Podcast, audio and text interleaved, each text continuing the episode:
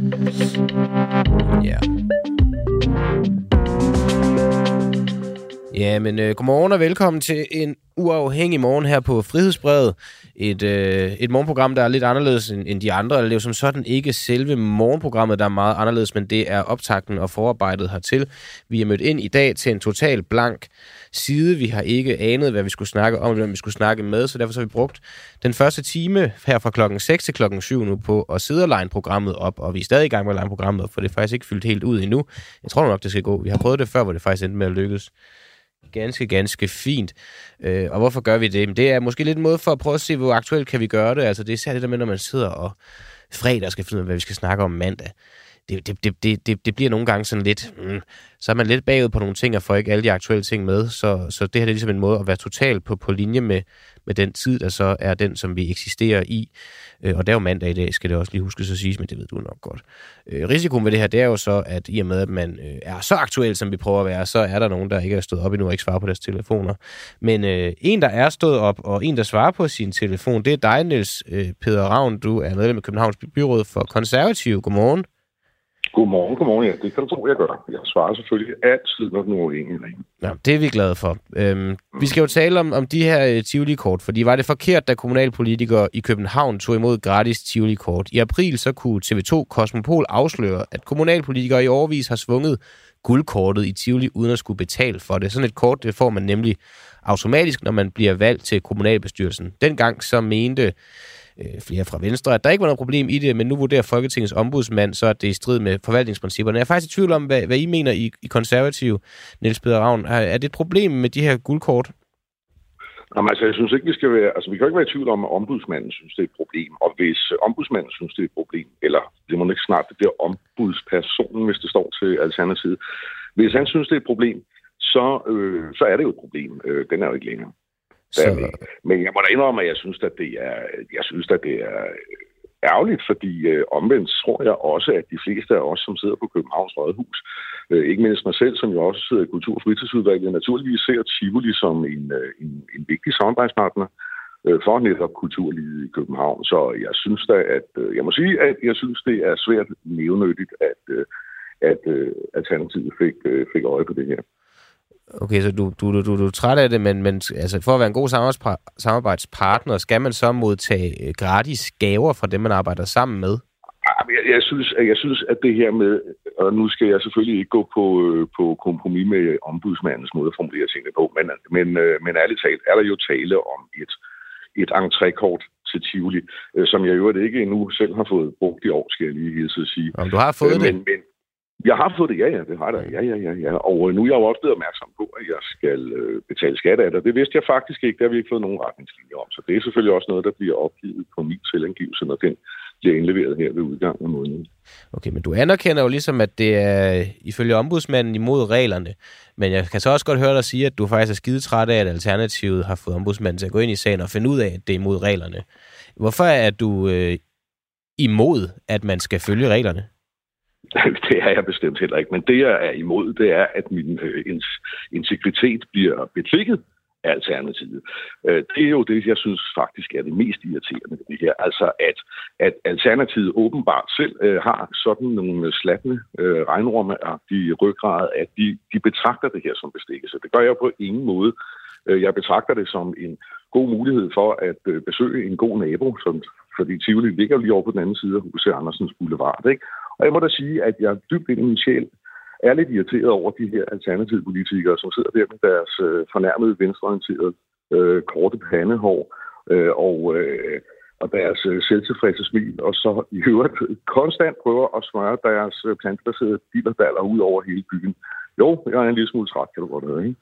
Jeg kan godt høre, at du er træt af, af Alternativet, men igen, så lyder det simpelthen bare til, at du er træt af, at de har været med til at påpege, at noget, I gør, ikke er er i, i god øh, orden med, med reglerne. Altså, jeg, jeg har faktisk svært ved at forstå helt, Niels øh, Peter Ravn. Er, synes du, at det er et problem, at folket, eller at politikere modtager Tivoli-kort fra Tivoli? Nej, jeg synes ikke, det er et problem. Jeg konstaterer, at det åbenbart øh, forvaltningsmæssigt er et problem, og, og så er det jo et problem. Men personligt har jeg ikke set det som noget problem. Jeg har som sagt set det som en, øh, en, øh, et, en måde at have et godt naboskab med Tivoli på, og det, og jeg, som jeg jo også for eksempel har set min gode kollega Finn Budajski fra DF udtale øh, rundt omkring. Han har jo siddet i borgerrepræsentationen længere end jeg har, kan man vist roligt sige. Og han har jo sagt, at det har jo ikke på noget tidspunkt påvirket ham til at, øh, at, at stemme i Tivoli være i de øh, få gange, det er der sket, at øh, Tivoli har bedt om at få, øh, få ændret en lokalplan, fordi de for eksempel vil bygge et, øh, et, et højhushotel for år tilbage. Altså, jeg tror, øh, jeg tror, at sådan som man skal se på det, det er jo, at, at man sidder som, som øh, politiker på BR, man har et, øh, et ansvar over for de borgere, som har stemt på en, som har valgt en ind, og for øvrigt også over for alle mulige andre, eller for resten af byens øh, borgere. Og jeg tror ikke, der er en eneste af os, som på noget som helst tidspunkt øh, har set Tivoli-kortet som en form for bestikkelse. Ikke før selvfølgelig er Troels Christian Jakobsen, som jo øh, er suppleant for, for hende, der blev valgt ind. Han så får det, får det i sit duesag noget senere end os andre. Og det er så her, han øh, jo gør opmærksom på, at det findes og bliver meget forarvet over det. Og der er det bare, jeg siger det er muligt, at Troels han øh, kan blive bestikket med et øh, guldkort til, eller blive bestukket med et guldkort til, til Tivoli. Men jeg synes faktisk, det er lige groft nok at øh, forudsætte, at, at øh, resten af borgerrepræsentationen har samme, skal vi sige, knægtet integritet, som øh, Troels Jacobsen har. Altså ombudsmandens øh, konklusion eller forklaring, det er, at man må ikke modtage ting på områder, som man beslutter noget for, da man skal være 100% upartisk.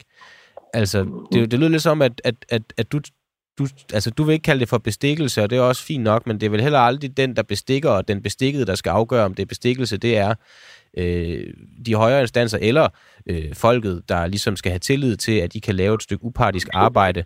Hvor, altså, hvorfor, hvorfor er det vigtigt, at du får gratis adgang til Tivoli for at kunne lave beslutninger, politiske beslutninger omkring Tivoli?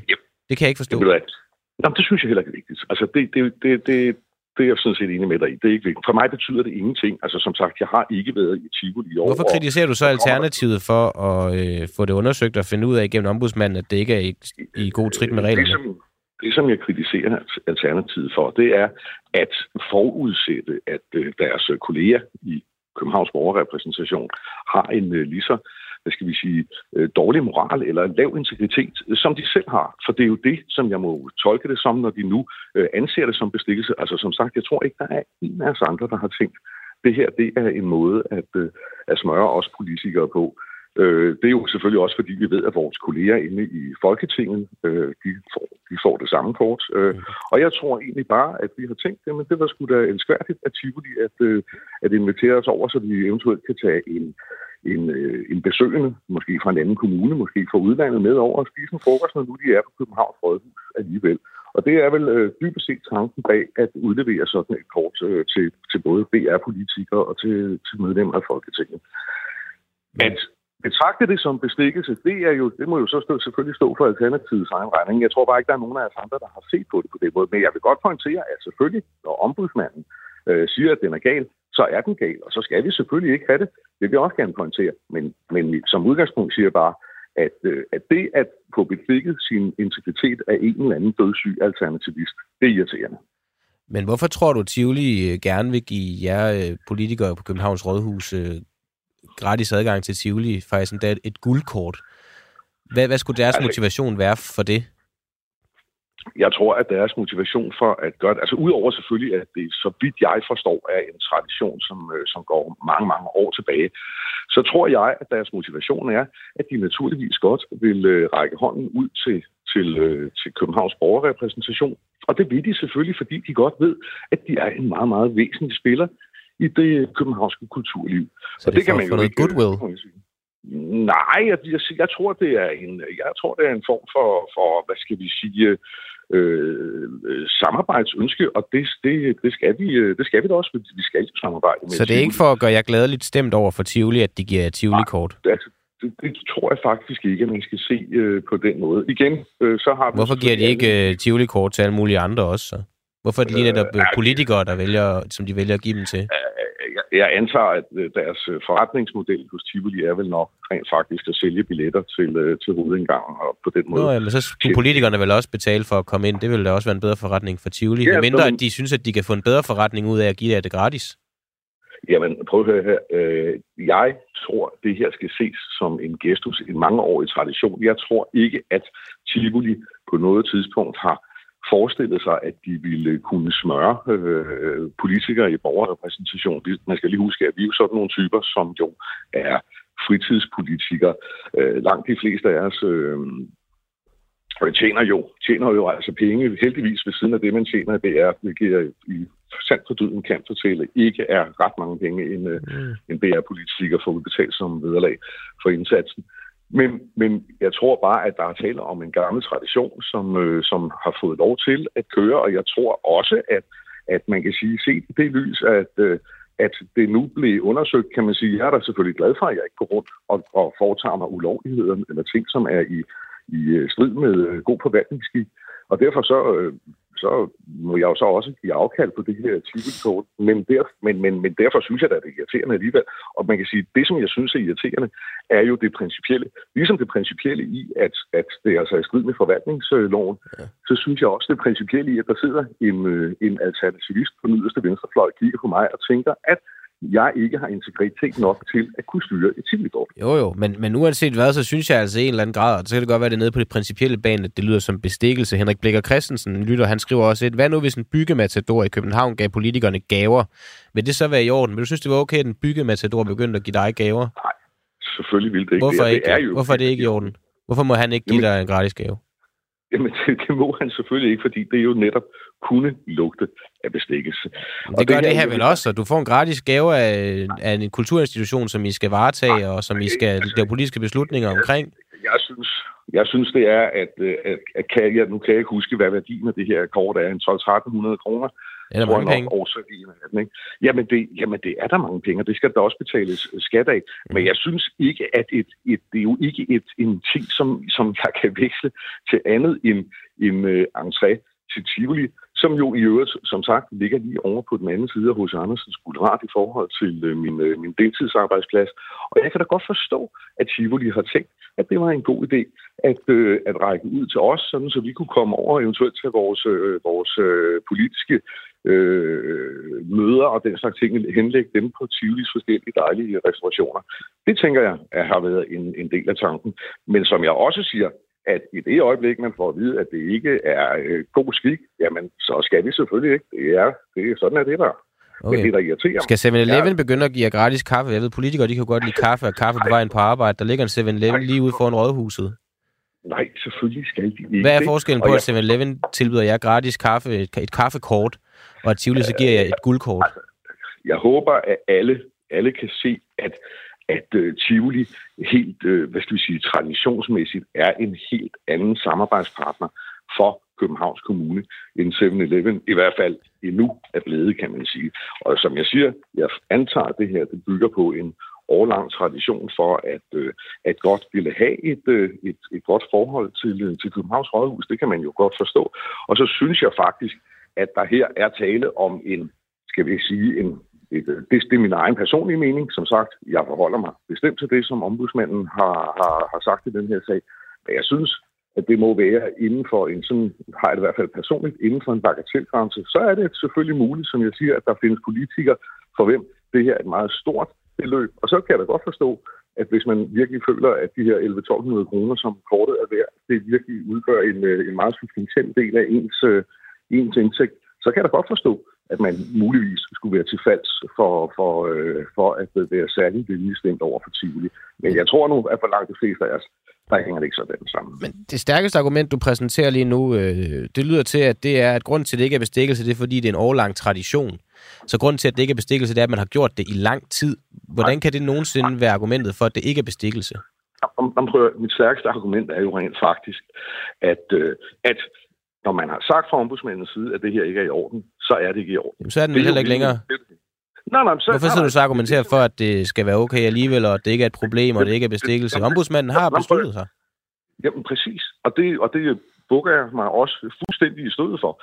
Det, som irriterer mig, og det, som har gjort mig vred i den her sag, det er, at der har siddet en alternativist, kigget på mig og tænkt, ham der, han lader sig bestikke for 11-1200 kroner om året. Det er det, som jeg bliver vred over. Jeg bliver vred over, at man overhovedet kan få den tanker, som jeg vist også har sagt til Troels Christian Jacobsen fra Alternativet. Så, så jeg også til ham, prøv at høre her, Troels, du ved godt, at for den rene er alting rent, ikke? Og øh, det synes han selvfølgelig var ret sjovt sagt, fordi jeg tror ikke, at der er ret mange andre end lige nøjagtigt de der to-tre alternativister. Og det gennem, altså vi taler jo også om, at det er også enhedslisten, som modtager det, det er SF, det er jo alle. Øh, jeg tror ikke, der er nogen af os, der har set det som nogen form for bestikkelse. Før en naturligvis, at der så er nogen, der begynder at kalde det en form for bestikkelse. Så jeg siger bare, at vi bukker os, ligesom vi skal helt dydigt for ombudsmanden, men derfor har vi lov til at være irriteret øh, på det alligevel, synes jeg. Okay. Niels Peder Ravn, øh, medlem af konservativ i Københavns øh, byråd. Tak fordi du var med her til morgen, og så må du have en, øh, en dejlig dag. I lige måde må jeg lige sige, at jeg er frygtelig ked af, at I skal lukke. Jeg, jeg er sgu meget glad for jeres øh, morgenprogram her, men, øh, men øh, tusind tak, fordi I ringede, og øh, have en fortsat god dag. Ja, og tak for den øh, note. Hej hej. Hej. Nå, han er frygtelig ked af, at vi skal lukke, men ved du hvad, Niels Peder Ravn? Og det kan selvfølgelig også godt være, at du er betalende medlem, men så kunne du bare have været det. Men øh, det vil jo så måske også være en eller anden form for bestikkelse. Det er jo, vi skal jo ikke have politikerne til at betale for os. Så det vil faktisk måske næsten gå hen og tangere til at blive et problem, hvis vi har politikere som medlemmer. Det kan jeg faktisk ikke udelukke, at vi måske har. Uha, det ved jeg faktisk ikke. Det tror jeg ikke, vi har. Men jeg, jeg ved det faktisk ikke med sikkerhed. Nå, men apropos politikere, så har der jo været øh, folkemøde på Bornholm, og øh, der var vi sku til stede, og vi jagtede dem, og vi skulle have svar på alle de spørgsmål, vi normalvis ikke får svar på. Og øh, vi har en, en række bånd derfra, og øh, jeg synes, vi bare lige skal prøve at høre en af de interviews, øh, vi, vi laver på, på folkemødet. Den ene, det er, øh, den skal vi høre her, det er Lars Lykke Rasmussen, vores udenrigsminister, og han på nuværende tidspunkt har genfundet tilliden til Jon Steffensen, om han tror, han har genfundet den i oktober, og hvad han generelt har at sige om den sag lige nu. Og det lød sådan her, da vores journalist Sofie Bryg her, hun henvendte sig til ham. Moderaternes folketingsmedlem Jon Steffensen blev sendt på overlov efter en lang række dårlige sager, og så var arbejdet for ham ellers at forsøge at genoprette tilliden til partiet. Vi vil gerne spørge formand Lars Løkke Rasmussen, om han har fået tilliden tilbage til Jon Steffensen. Lars Lykke, din tillid til Jon Steffensen, er den genoprettet? Prøv at høre, vi, vi, jeg kan ikke håndtere, at I render Der bliver rundt. ingenting. Nej, et ja eller et nej. Sofie, der bliver ingenting nu. Altså, det er jo en folkevalgt politiker, der er sendt på overlov. Det er da interessant at vide, om han er tilbage i dit parti til efteråret. Der er sikkert der er mange ting, der er interessant at vide, men, men jeg helt ærligt... Hvorfor jeg, vil du ikke svare på det?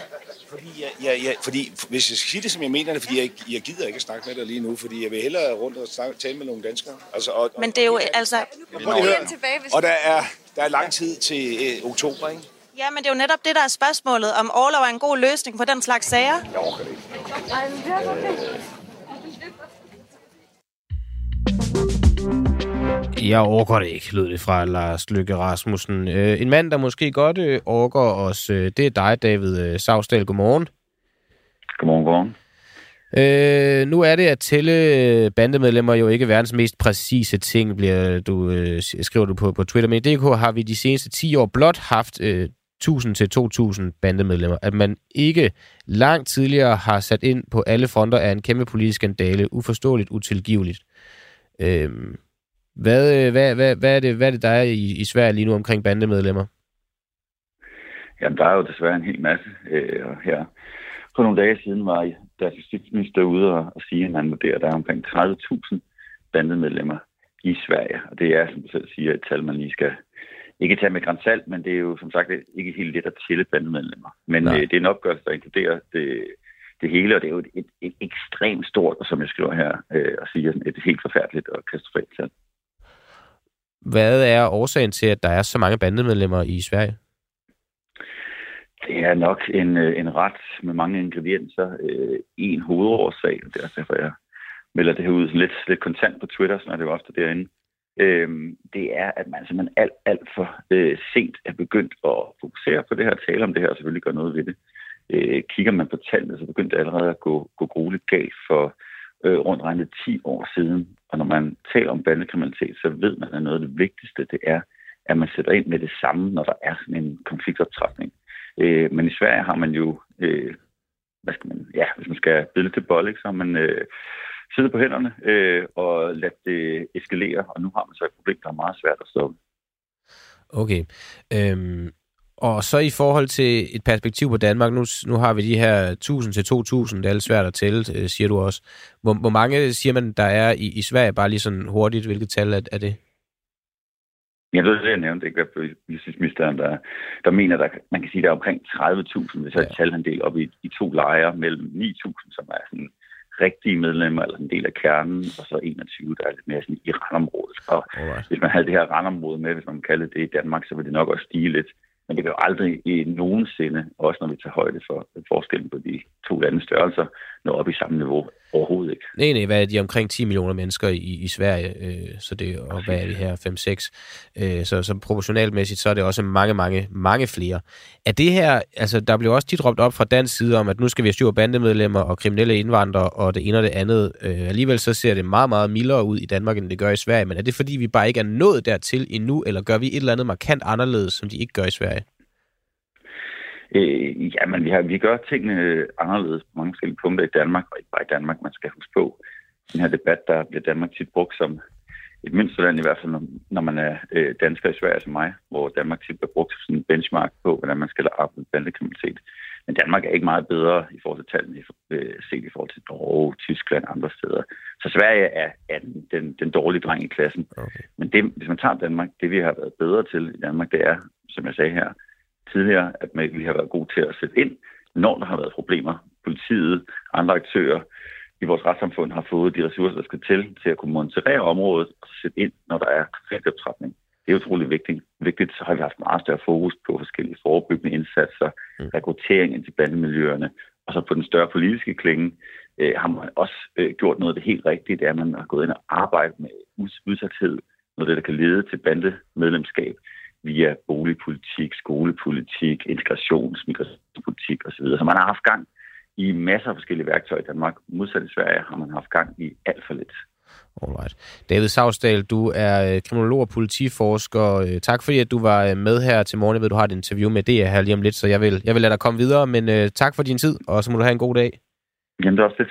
Ja, lige måde. Ha' det godt. Hej. Okay.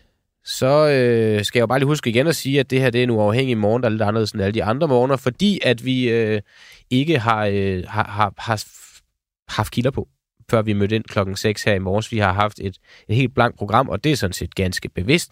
Det er noget, vi tester af en gang, men vi har kun gjort det en gang før, og nu prøver det bare lige igen her, inden, at- inden at vi lukker, for at se, om, om vi kan holde os på en eller anden... Altså, hvad, hvad gør det ved et program, at man ligesom møder ind med en helt blank side, en helt frisk hjerne, og så derfra begynder at line, line kilder op, gør det det mere aktuelt, altså det vil det jo nok givetvis gøre i og med, at vi ikke har tænkt alle mulige tanker i fredag, som så kan ske at være uaktuelle i dag, men et problem det er jo selvfølgelig også, at det så kan være svært at få kilder på og få folk til at stille op. Det har nu ikke været det store problem indtil videre, øh, og vi har også en kilde med her lige om lidt, men du kan jo stadig nå at byde ind, dig der sidder og lytter lige nu. Hvem vil du gerne have, vi snakker med? Hvem vil du måske endda gerne selv snakke med? Du kan også selv ringe ind øh, på 50 24 50 14, hvis du har lyst til at være med eller komme med idéer og tips. En anden historie, der også kører her til morgen, det er, at øh, sygefravær blandt kommunale ansatte, det stiger og stiger og stiger. Hver øh, 14. dag melder man sig som kommunal ansat syg. Hver 14. dag har du en sygedag, hvis du er kommunal ansat. Det er et gennemsnit udregnet af VIVE. Og er du kommunal ansat? Genkender du det her problem? Hvad er det for en udvikling, du ser på din arbejdsplads? Så kan du ringe ind. Du kan ringe ind på 50 24 50 14, men det kommer vi altså til lige om lidt. Fordi BT de afslørede i sidste uge, at Forsvarsministeriet har tilbageholdt væsentlige oplysninger om statsministerens slettede sms'er om at aflive alle mink. Det forlod dengang, at FE ikke kunne genskabe beskederne, men sandheden den var i virkeligheden, at man ikke havde forsøgt det statslige wifi-system, hvorfra beskederne muligvis kan findes. Nu vil partier give øh, Forsvarets efterretningstjeneste lov til at forsøge det. Og i BT så opfordrer forkvinden for Venstres Ungdom, at moderpartiet stemmer for. I valgkampen så var Venstre blandt de mest ihærdige fortalere for at genskabe statsministerens slettede beskeder og komme til bunds i sagen. Men nu, hvor partiet er i regering, så svarer Venstres fungerende formand Troels Poulsen ikke på, om han mener, at beskederne skal genskabes. Og øh, en, øh, som er vores faste politiske analytiker, øh, det er dig, Jens Rode, analytiker og kommentator. Du er også tidligere medlem af Venstre, og øh, dermed også meget kvalificeret til at tale med os og- om det her. Godmorgen. Godmorgen. Og tak fordi du kunne være med med så kort varsel. Øhm, er der nogen chance for i dine øjne, at Venstre vil være med til at give FE lovhjemmel til at genskabe sms'erne, så længe man er i regering? Altså, det man skal huske på, det er jo først og fremmest, at en regering er et kollegium. Og øh, det betyder, at et enkelt parti i en regering eller medlemmer af en regering ikke kan stemme anderledes end det, som regeringen beslutter sig for. Og i sidste ende, så er det jo så afgørende, nok, hvad øh, de andre partier vil være med til i den her sammenhæng. Og det må de jo så diskutere internt i regeringen. Det, der er farligt for Venstre, det er faktisk, hvis de tøver. Fordi jo længere tid de tøver med at træffe en beslutning, og jo længere tid de væver i forhold til, hvor de står og hvad de skal, øh, jo sværere bliver det for dem at øh, undgå kritikken, og jo sværere bliver det for dem at, øh, øh at, at, at være imod at skabe den lovhjemmel, der skal til. Øh, jeg tror, hvis jeg skulle rådgive øh, Venstre, hvis jeg sad som rådgiver, så ville jeg sige, se at få den sag lukket med det samme og sige, der har været et valg. Øh, vi betragter sagen her som afsluttet. Men vi kan jo allerede se nu, at der ikke rigtig kommer noget svar, og det kan faktisk være det, som i sidste ende kan give øh, Venstre store problemer, nemlig at de tøver i forhold til, hvor de skal stille sig. Men at kalde sagen for afsluttet, altså... Øh, nu er der dukket potentielt nye beviser op i sagen, eller i hvert fald muligheden for at indhente beviser. Det kan man vel, det kan, jeg kan ikke komme i tanke om nogle andre efterforskninger eller nogle andre sager, hvor man vil sige, når man sagen er afsluttet, så de beviser gider vi ikke at kigge nærmere på. Kan du øh, komme med et eksempel på øh, andre situationer, hvor man vil gøre det? Jamen, det her er jo ikke retsopgør, det er politik. Og det er jo et spørgsmål om, altså, hvis et politisk flertal beslutter sig for, at månen er lavet af grøn ost, så beslutter et flertal sig for, at månen er lavet af grøn ost. Det er jo en modsætning til retssystemet. Mm. Så det her det er et spørgsmål om, det er en sag, man vil gå videre med politisk.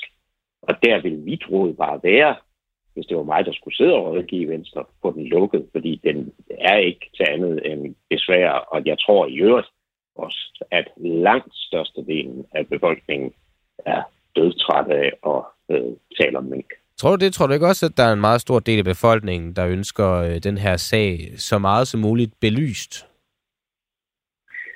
Jo, men der, man kan sige, der har været et folketingsvalg imellem, øh, og, øh, og, og, og det kan være et politisk udmærket argument for, at man, øh, at man lukker sagen. Men det er jo ikke sikkert, at, øh, at det sker. Som sagt, jo mere venstre tøver, jo vanskeligere bliver situationen for dem. Og, så, øh, og jo sværere bliver det at, øh, at argumentere for, at man skal øh, lukke den, fordi så forsvinder den mulighed. Og så er det klart, at så kommer det jo til en intern diskussion i regeringen. Man kan jo så vende den om i den sammenhæng og sige, at Mette Frederiksen jo selv dengang sagde, at hun ønskede, at man kunne genskabe disse sms'er. Mm. Og så må man jo så næsten vende sig om mod den nuværende statsminister og spørge, om hun stadigvæk øh, mener det, fordi så er det jo sådan set bare at skabe den lovhjemmel. Men det er klart, det er en diskussion, de skal have internt i regeringen, og for Mette Frederiksen og for Socialdemokraterne er det en træls sag, der, øh, øh, hvis nu den skal til at køre i et godt stykke tid øh, endnu det er en trælsag, og det er også en trælsag for danskerne. Jeg synes nogle gange, når man kommer til at snakke om det med, at der har været valgkamp imellem og sådan noget, det, det kommer til at lyde som, at politikere de har særlige privilegier i forhold til ikke at overholde, hvad det er, de lover. Venstre, de øh, førte jo... Ja, det er jo så ikke første valg... gang i historien. Nej, det er ikke første gang i historien. Det er også derfor, det kan virke som et, et eller andet underligt privilegie, fordi Venstre, de førte jo klar valgkamp på et budskab om, at vi kom til bunds i denne her sag. Du er medlem af, af Venstre. Synes du slet ikke, der er noget som helst hyklerisk i, hvis Venstre nu ikke står ved deres budskab under valget, det de vil have stemmer på, at komme til bunds i denne her sag? Hvis ikke det var noget, der var i befolkningsinteresse, hvorfor lover man så befolkningen det i en valgkamp? Jamen, du har fuldstændig ret. Altså, det er jo øh, sådan politik nu øh, en gang er. Og, og, og, og, øh, øh og, og jo, man kan, altså, Øh, der, der vil der være masser af anledning til at lave kritik og til for de andre partier at kritisere Venstre for at sige et og gøre noget andet. Det jeg bare siger, det er, at det er ikke første gang i historien, og der er også en, en vis resonemang i at sige, at der er ligesom truffet et valg. Øh, der har været en folketingsvalgkamp, og det her har været et tema. Men Frederiksen øh, fik faktisk øh, et ret godt valg i, øh, i den valgkamp. Og der har været en proces i forhold til øh, et øh, udvalg, nemlig grænsningsudvalget og en grænsningskommission. Og, øh, og der kan man jo godt øh, med baggrund i det konkludere, at vi mener, at sagen er afsluttet. Mm. Men, men, men, men politik er jo også en uforudsigelig størrelse, så det kommer jo også an på, hvordan den vokser, den her, i forhold til øh, den offentlige diskussion. af, hvordan man så kommer til at håndtere det. Og der er jo indtil nu ingen af os, der, der ved det. Og for regeringen ville det nemmeste jo være at sige, jamen vi vil sådan set også gerne alt sammen øh, se, om det er muligt at så, øh, give, øh, øh, og så give den der øh, lovhjemmel.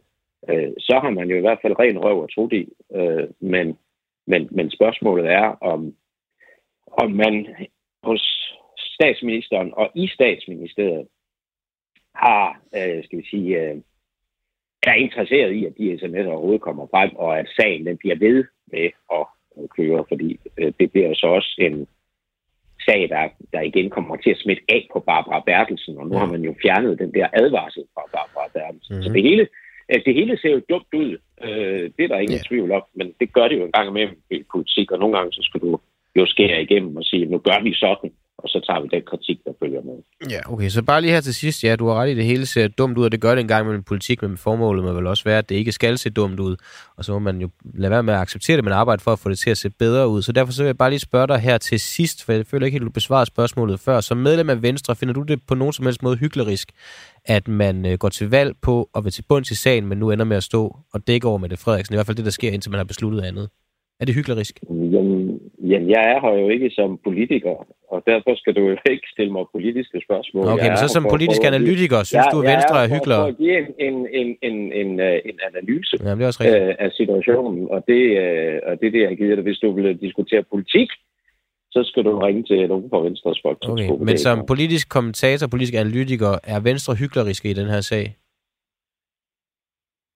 Ja, det er klart, at det er det, man vil kritisere dem for, og man vil sige, at de siger et og gør noget andet. Siger et i valgkampen og gør noget andet, og man vil kritisere dem for, at de har fået ministerbiler, og det er bare derfor. Det er jo en rimelig forudsigelig politisk kritik, der kommer, og man kan også sige, at den er berettiget, men omvendt kan man jo også øh, beslutte sig for i Venstre og sige, at vi føler, at den sag den er afsluttet, og der kan ikke koges øh, mere suppe på den.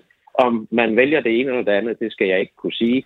Men jeg tror bare, hvis jeg var øh, rådgiver i forhold til øh, situationen, så, øh, og at det potentielt kommer til at skabe intern strid i regeringen, så vil jeg øh, sige, at øh, sagen er sluttet, og det vil jeg gøre hurtigst muligt, medmindre at Mette Frederiksen har en anden holdning til det. Og i sidste ende, så er det, som det jo er med den her regering, det er i høj grad Mette Frederiksen, der bestemmer, hvor skabet skal stå. Det er hende, der bestemmer, hvor skabet skal stå. Øh, Jens Rode, du har jo ret i, du er jo politisk kommentator og analytiker her hos os, så det er jo også øh, den titulering, du skal have her til sidst. Øh, tak fordi, at du var med her øh, til morgen med så kort varsel og, og give os en, en, en, en, en analyse af, af den her situation, hvor du så endte med at, at komme lidt ind i den alligevel, men du må have en god dag i hvert fald. Ja, tak. Lige måde. Ja, så fik jeg jo sagt, at vi jo var på folkemødet og talte med en masse politikere. I fredag så kunne vi spille klippet af vores øh, journalist Mikkel, øh, Mikkel øh, Jensen, der henvender sig til øh, Mette Frederiksen for at, øh, for at stille hende nogle spørgsmål. Og øh, det spørgsmål, han stillede, det var om, om det var Socialdemokratiets idé at afskaffe stor bededag. Øh, og øh, det vil hun ikke svare på på det tidspunkt, fordi at der vil være rig mulighed for at stille spørgsmål øh, i morgen. Og øh, den morgen, den kom så, og det møde med pressen, det kom så, og Mikkel fik mulighed for at stille spørgsmål øh, til øh, statsminister Mette Frederiksen, men om hun så også vil besvare spørgsmålene, det er jo så spørgsmålet, og det er mange øh, spørgsmål nu i, i et spørgsmål, der centrerer sig omkring samme sag. Så nu synes jeg bare, at vi skal høre, hvordan det gik, da, da Mikkel han, han kom i kontakt med, med Mette Frederiksen og fik lov til at spørge, om det var øh, deres idé at afskaffe Storbededag. I går der fangede vi Mette Frederiksen på folkemødet, fordi vi gerne vil høre hende ad, om det var Socialdemokratiets eller hendes idé at afskaffe Stor Bededag. I går der lød svaret, det vil jeg gerne svare på i morgen, så det forsøger vi så også i dag. Har danskerne ikke krav på at vide, hvilket parti, der bragte på banen og afskaffe Stor Bededag? Jeg synes, det bliver... Jeg, altså, i hvis vi skal have et velfungerende demokrati, så skal der være fortrolighed mellem de politiske partier. For ellers vil der ikke blive udviklet nye idéer. Så, så fortrolighed mellem politiske partier er måske noget af det vigtigste for, om et demokrati fungerer. Så, så nej, vi kommer ikke til at redegøre for, og det håber jeg heller ikke fremtidige regeringer vil gøre. Var det Socialdemokratiet, der var det på banen?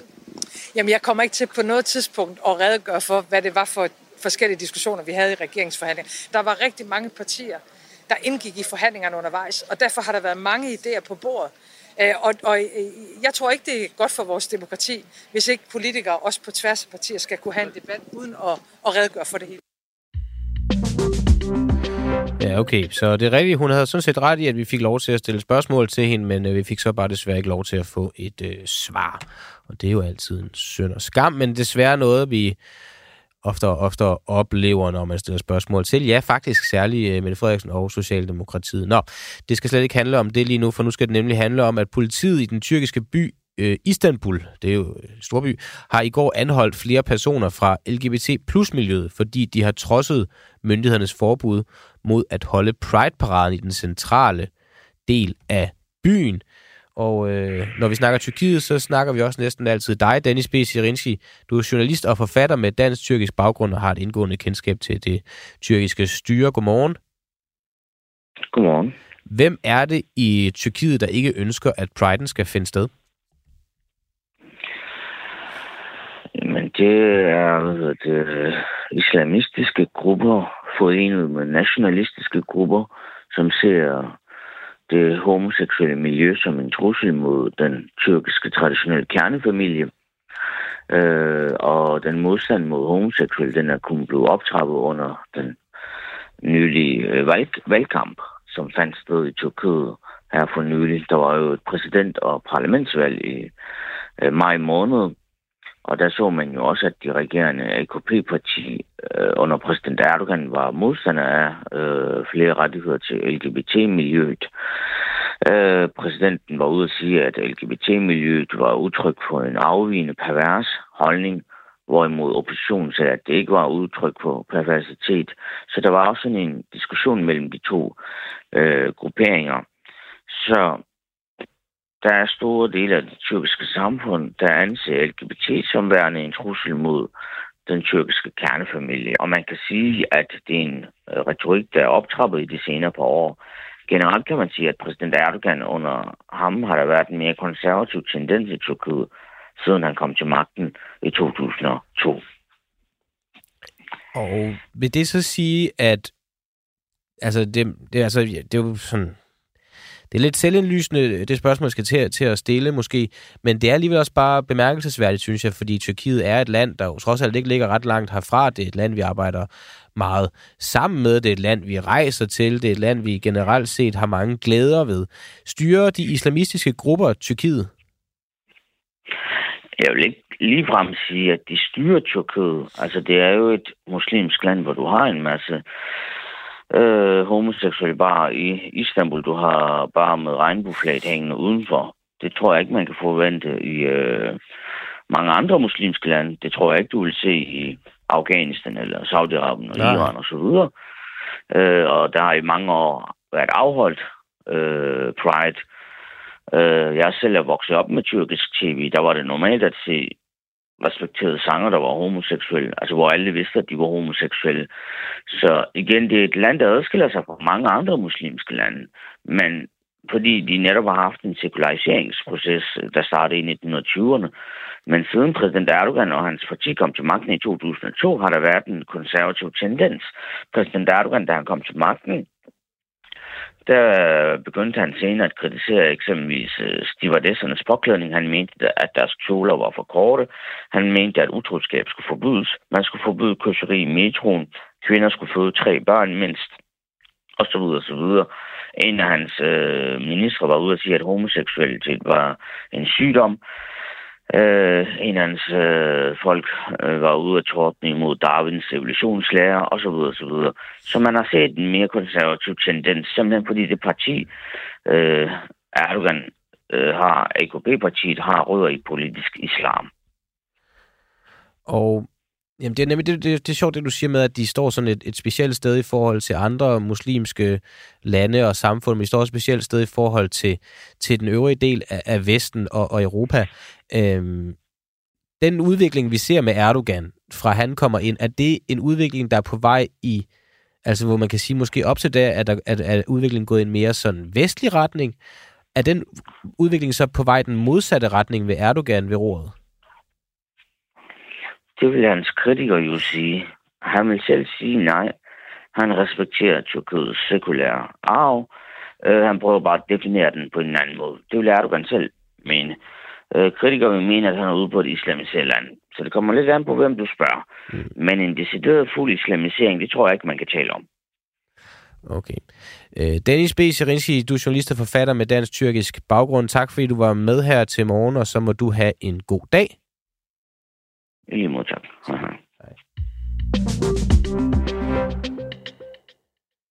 Ja, men det er rigtigt, at vi var jo på folkemødet. Det har jeg jo sådan set fået sagt nogle gange nu. Øh, men det var vi for at få fat i nogle af alle de politikere, der normalvis ikke vil stille op til vores interviews og besvare vores spørgsmål. Og en, jeg selv har haft øh, særlig erfaring med, som vanskelig at få til at stille op, det er Benny Engelbrecht. Øh, I hvert fald, øh, når det har handlet om noget med politik. Han har faktisk stillet op hos os, men så har det handlet, sidst han var med hos os, så handlede det om Irma-lukningen, Øh, og ikke så meget om sådan det politiske, men mere om historien omkring Irma. Det var han med omkring, fordi han engang har skrevet en bog, der handler om mad. Og han har også fortalt os om, øh, om nogle, øh, hvad hedder det, evakueringsøvelser, eller det var ikke øvelser, det var nogle bomber, man skulle evakuere folk fra på alt, som man havde fundet nogle bomber fra 2. verdenskrig. Det var han også villig til at sætte op om, men når det handlede om finansiering af det ene og det andet initiativ, og om de ekstra penge, der bliver fundet i statskassen, så har han været lige så godt som umulig at få til at stille op til noget som helst. Og øh, han har også været muligt at få til at stille op til, til at svare på spørgsmålet om, hvorvidt at man stadig skal have afskaffet store bede, nu når man har fundet ekstra penge i statskassen, der faktisk vil kunne finansiere det. Men øh, det holdt ikke vores øh, gode journalist Mathias Bledel tilbage. Han øh, var på folkemødet og fandt Benny Engelbrecht, og øh, lad os bare høre, hvordan det gik her, da han stillede ham spørgsmål. Herinde i teltet bag mig, der står Benny Engelbrecht og skærer samfundskage. Det er en kage, som er blevet større. Vi vil gerne høre ham, hvorfor det var så nødvendigt at afskaffe Stor Bededag. Ja, det er. Jeg har også et uh, enkelt spørgsmål. Ja. Nej, det er en journalist. Nu, nu tager vi altså de, de, dem, der er kommet for at være med. Hvis du har et spørgsmål, okay. så kan vi tage det bagefter. Ikke? Okay. Så. Nå, Benny Engelbrecht, du har stået og skåret uh, samfundskage. Og det er jo en kage, som er blevet større. Vil du ikke prøve at forklare, hvorfor øh, danskerne ikke kan få deres bededag?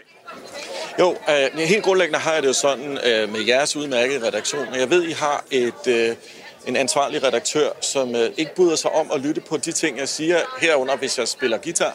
Og så, vil jeg, så har jeg bare sådan det grundprincip, at så vil jeg jo ikke udsætte Mads Brygger for den slags ubehageligheder. Så, så derfor så vil jeg, skal jeg nok lade være med at svare på jeres spørgsmål. Øh, det synes jeg nu er, er det bedste. Jeg skal lige være helt sikker på, at jeg forstår det. Så fordi at min chefredaktør har skrevet, at du spiller guitar, så vil du ikke svare på, hvorfor danskerne ikke kan få deres bededag?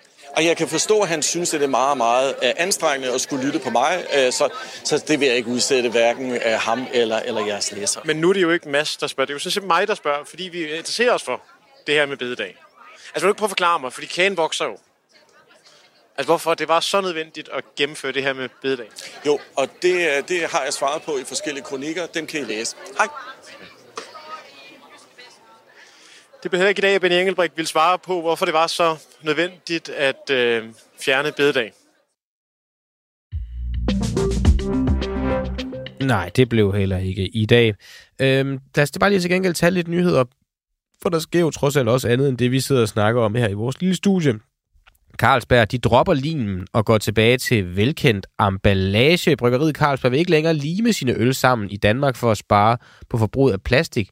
Og årsagen for det, det er, at begejstringen for de sammenlignede øl ikke har været overvældende. Det skriver mediet Finans. I stedet skal en sixpack igen holdes sammen af plastikemballage.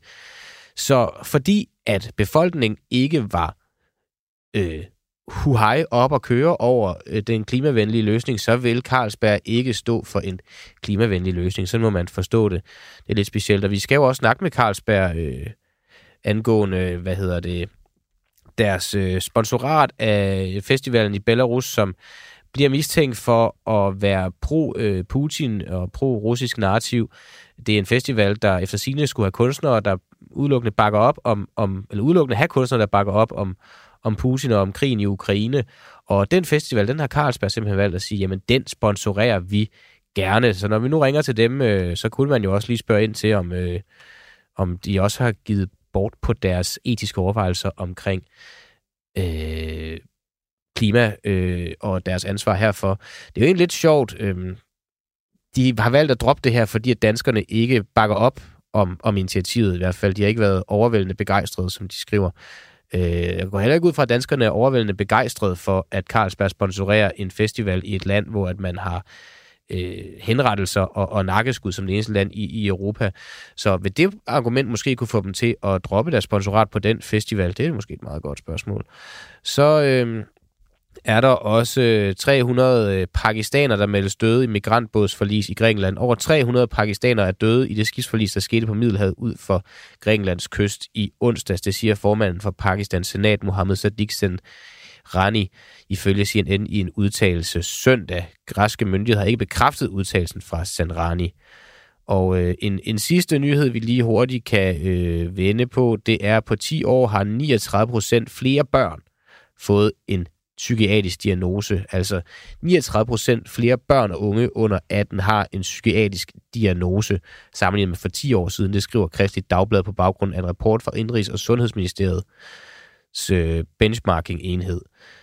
73.220 børn og unge var 1. januar i år registreret med en psykiatrisk diagnose. Det er godt nok mange, og måske endnu en gang en anledning til at ringe til Rasmus Horn Langhoff, der lige nu er psykiatriordfører i Socialdemokratiet, som jo ikke en eneste gang har vel stillet op til interview her på en uafhængig morgen i alt den tid, vi har eksisteret. Det er altså også, og det er måske faktisk en af grunden til, at vi måske også bare bør ringe til ham her til morgen.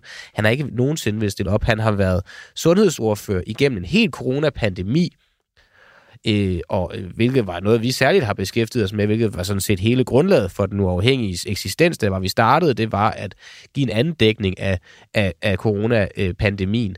Han har ikke stillet op en eneste gang. Han er gået i flyverskole, han er blevet sur, han er blevet rasende, han er blevet, han har, jeg har også fået en henstilling fra Folketinget af ham, fordi jeg har jagtet ham i, igennem Christiansborgs gange, og det må man selvfølgelig heller ikke, men det er bare nogle gange sådan noget, man ligesom lader sig øh, ty til, når man ikke kan komme igennem til de politikere, man gerne vil have svar på spørgsmålene fra, og der er ikke nogen, der siger, at Rasmus Lang, Horn Langhoff, han skylder den uafhængige eller den uafhængige morgen noget som helst.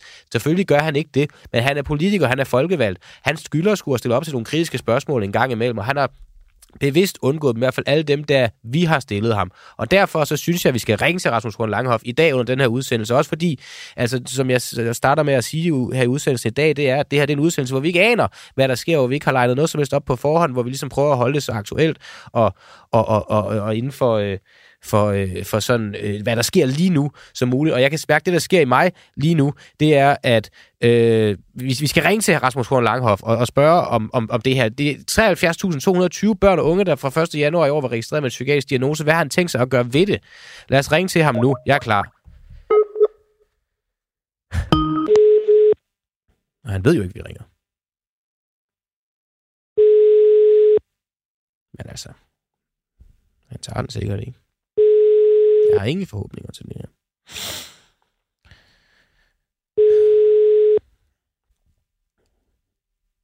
Tag den nu, Rasmus.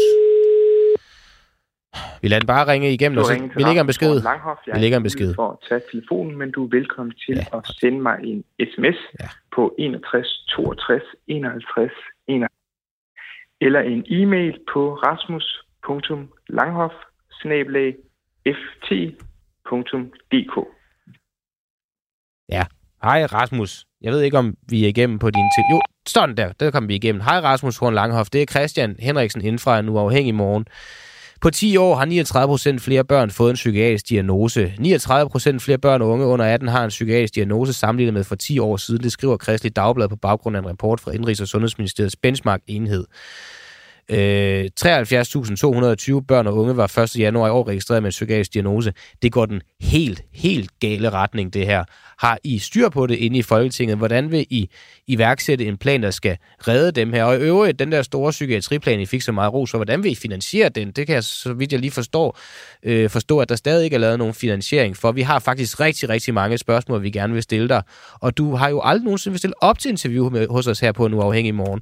Og jeg synes bare, hvis du synes, det her problem det er alvorligt noget, der skal gøres noget ved, så synes jeg, det er nu, at tiden er til, at du stiller op. Jeg sender dig også lige en sms efter udsendelsen, og så får du også en mail, og så vil jeg faktisk bare ønske dig en, en rigtig, rigtig god dag, og så håber jeg, at du vil vende tilbage på vores henvendelse for en gang skyld. Tak, Rasmus Horn Langhoff, psykiatriordfører for Socialdemokratiet. Ja. Lad, lad os, skal, vi, skal vi høre, også måske for jeg lige kan falde lidt ned. Uh, vi, vi, vi fandt jo også Lars, Lars Ågaard på, på folkemødet. En mand, der kan mærke helt ind i hjertet, at vi skal have gjort noget ved det klimaproblem, og det skal bare gøres. Men hvad gør han så, Lars Ågaard? Hvad, hvad gør du? Hvad initierer du? Har du noget under opsejling, eller er det hele bare en stor gang symbolpolitik? Klimaet har aldrig stået værre til, det går den helt gale retning. Udviklingen går hurtigere, end vi havde regnet med, og lige meget hvad vi gør, så vil vi per øh, år 2100 befinde os på en planet, hvor knap 2 milliarder mennesker bor et sted, hvor det er livsfarligt at bo grundet klimaforandringerne, grundet overophedning. Og det kan godt være, at vi her i lille Danmark ikke kan redde hele verden, men vi kan da i det mindste prøve at gøre bare et forsøg. Og gør vi så det, Lars Ågaard? Det spurgte vi dig om på folkemødet. Moderaternes folketingsmedlem Jon Steffensen blev sendt på overlov efter en lang række dår. Ah, for helvede, det var Lars Lykkebånd, jeg kom til at sætte på. Her kommer Lars Ågaard. Lige inden klimaminister Lars Ågaard tog til folkemødet, kom Klimarådet med et nyt notat, hvor de igen uddeler dumpekarakter til regeringens klimapolitik. Vi vil gerne spørge ministeren, hvad han har at sige til kritikken. Lars, må jeg stille dig et hurtigt spørgsmål til Klimarådets notat? Klimarådet har igen uddelt Lars Ågaard. Det er et hurtigt spørgsmål. Lars? Lars? Lars, det er bare et hurtigt spørgsmål. Kom nu, Lars. Det er et hurtigt spørgsmål til Klimarådets notat. Et hurtigt spørgsmål. Det skal være. Jeg skal Skide hurtigt.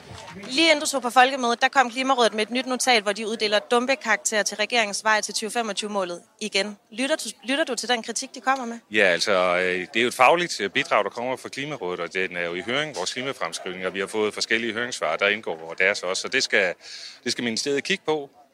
Men anerkender du, at der er langt længere til målet, end I øh, lægger frem i jeres fremskrivning? Det vil man kunne læse, når den endelige fremskrivning kommer. Der skal vi lige bearbejde de høringssvar, der er først. Så det er lidt lige en postgang for tidligere at svare på det. Så lige så snart folkemødet er færdigt, så går jeg videre med den sag. Du har tidligere sagt, at du helt ind i hjertet kunne mærke, at vi skulle nå i mål.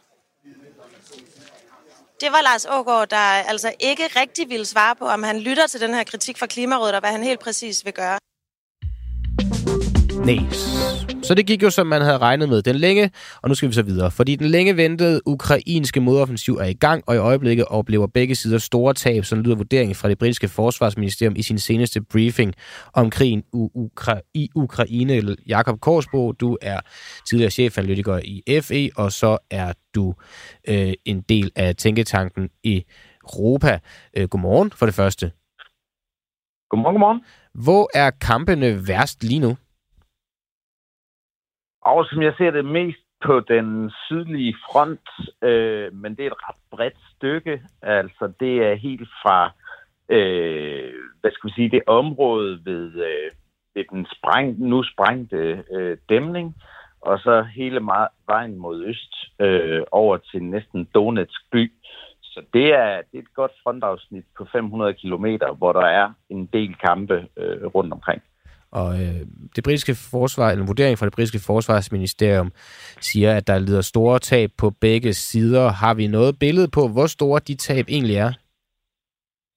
Ej, det synes jeg, det synes jeg er meget, meget svært at sige. Øh, altså, man kan se, hvis de materielle tab, hvis vi kigger på den ukrainske side, de har lidt, så, øh, så har det har det ikke været sådan overvældende. Altså, det, er jo, det har jo været slået meget stort op, de her to Leopard-kampvogne, øh, de har mistet.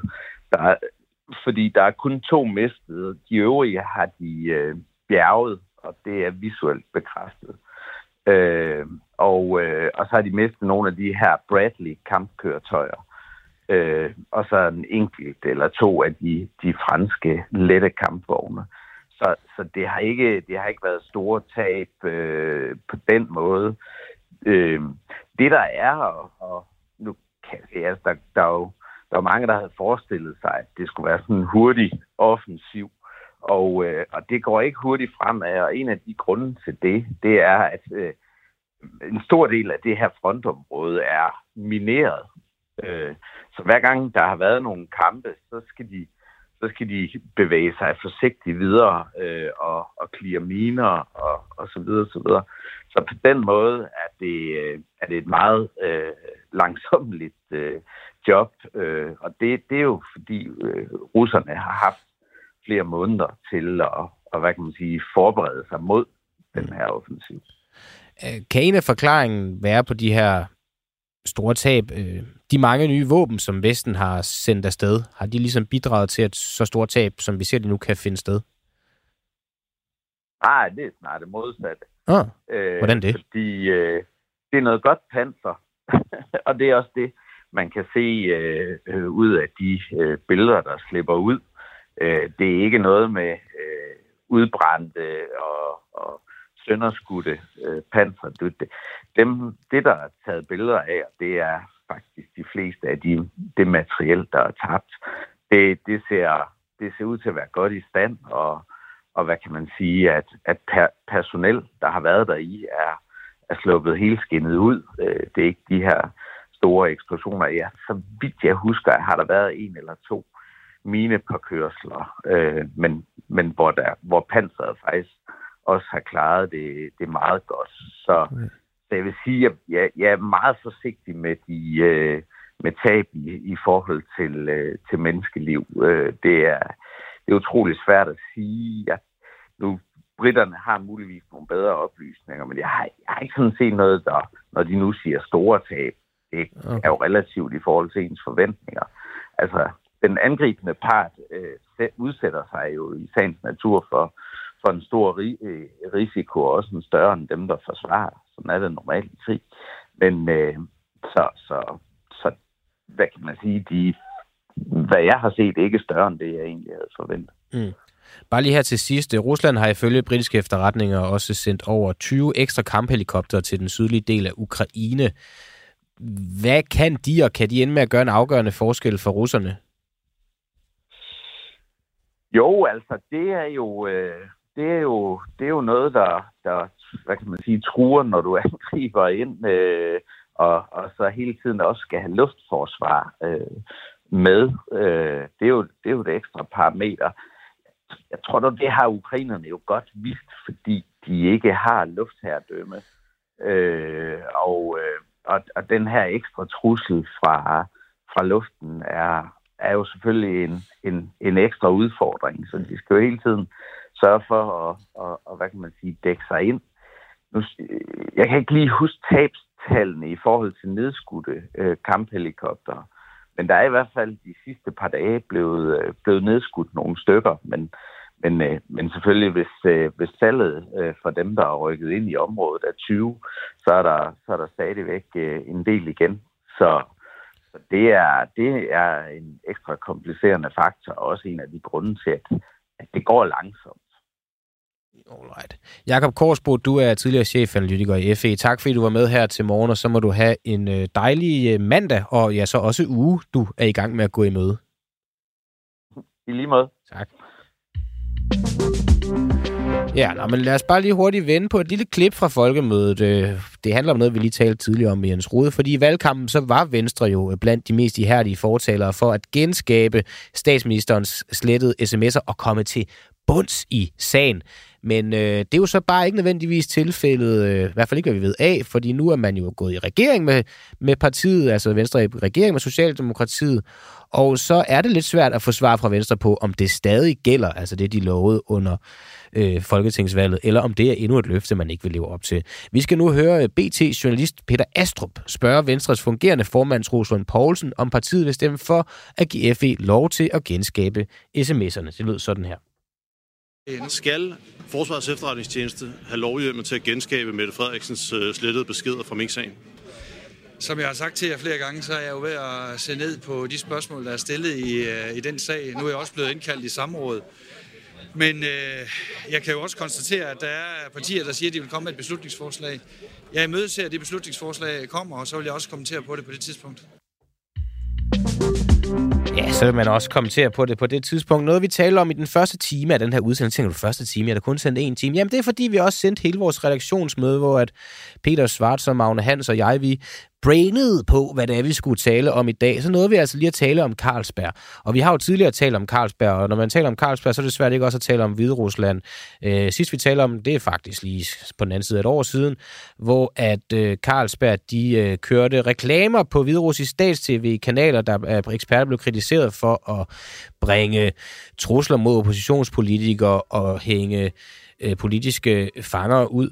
Øh, så kunne man lige derefter se en dejlig reklame for måske at købe en Carlsberg Og nu er de altså igen havnet i en eller anden form for fedtefad, fordi Carlsberg de sponsorerer en omstridt festival, og eksperter de siger, at man burde altså holde sig langt væk fra den. Det er en hviderussisk musikfestival, der hedder Viva Braslav, der bliver mistænkt for at støtte det totalitære regime i landet, og det afføder kritik fra eksperter og organisationen Venner af Belarus, at Carlsberg som vælger at sponsorere den her festival. Det er øh, som sagt i et land, og det er også det er en af kritikpunkterne lyder fra Flemming Splidsbul, der er seniorforsker ved DIS, det er, at det her det er altså et land, hvor det sidste land i Europa, hvor man stadig har henrettelser. Man har henrettelser ved nakkeskud. I det her land, som støtter det totalitære, på en festival, hvor man støtter det totalitære regime, der har Carlsberg valgt at sige, vi vil gerne smide nogle sponsorpenge efter jer. Så nu vil vi prøve at ringe til Carlsberg, fordi vi vil lige teste, hvor langt de vil gå i deres sådan hvad hedder det, lidt sådan etiske mixmax, i hvert fald hvis man spørger eksperterne, de siger, man burde holde sig langt væk. Så nu vil vi ringe og prøve at udgive os for at være øh, øh DHL. Omstilling af varer, test ind. For omstillingen, test 2. Og vi skal til omstillingen, og vi vil så... prøver vi at se, om vi kommer igennem. Vi vil, vi vil sige, at vi er en forening, der går ind for Carlsberg Demolene. Hej, så du taler med Christian, hvis jeg vil tale med en afdeling i Carlsberg, der står for at sponsorere arrangementer og begivenheder, vil det så være muligt for dig at viderestille mig til den afdeling? Det, der er ikke lige en afdeling, man kan viderestille til, desværre. Okay. Det foregår på mail. Det foregår på mail, det hele? Ja, du okay. skal sende mail til carlsberg.dk. Okay, øh, det er så... Okay, nå, men det er fordi, Øh, jeg er øh, journalist inde på et medie, der hedder Nu Afhængig Morgen, men jeg er også i gang med at opstarte en forening, der går ind for øh, henrettelser og nakkeskud. Og vi skal holde en sommerfest, som jeg vil høre, om Carlsberg havde lyst til at sponsorere. Og øh, det er fordi, jeg har set, at de sponsorerer den her festival i Hviderusland. Og så vil jeg bare, det kan du måske ikke rigtig svare på, men, men tror du det, bare med den kendskab, du har til Carlsberg, at det kunne være noget, man havde lyst til at spytte nogle penge i? Det kan jeg desværre ikke svare på. Nej, okay, det er også fair nok. Nå, men jeg prøver at sende en mail, og så, så ser vi. Men, øh, men tak for, øh, for hjælpen i hvert fald. Godt, hej. Hej. Hun kunne ikke svare på det, men det lød jo så heller ikke til, at hun helt kunne udelukke det. Men det er måske også bare at læse lidt imellem linjerne. Det skal man altid passe på med i journalistik. Det her, det var en uafhængig morgen på en lidt anden måde, end du ellers plejede at få den.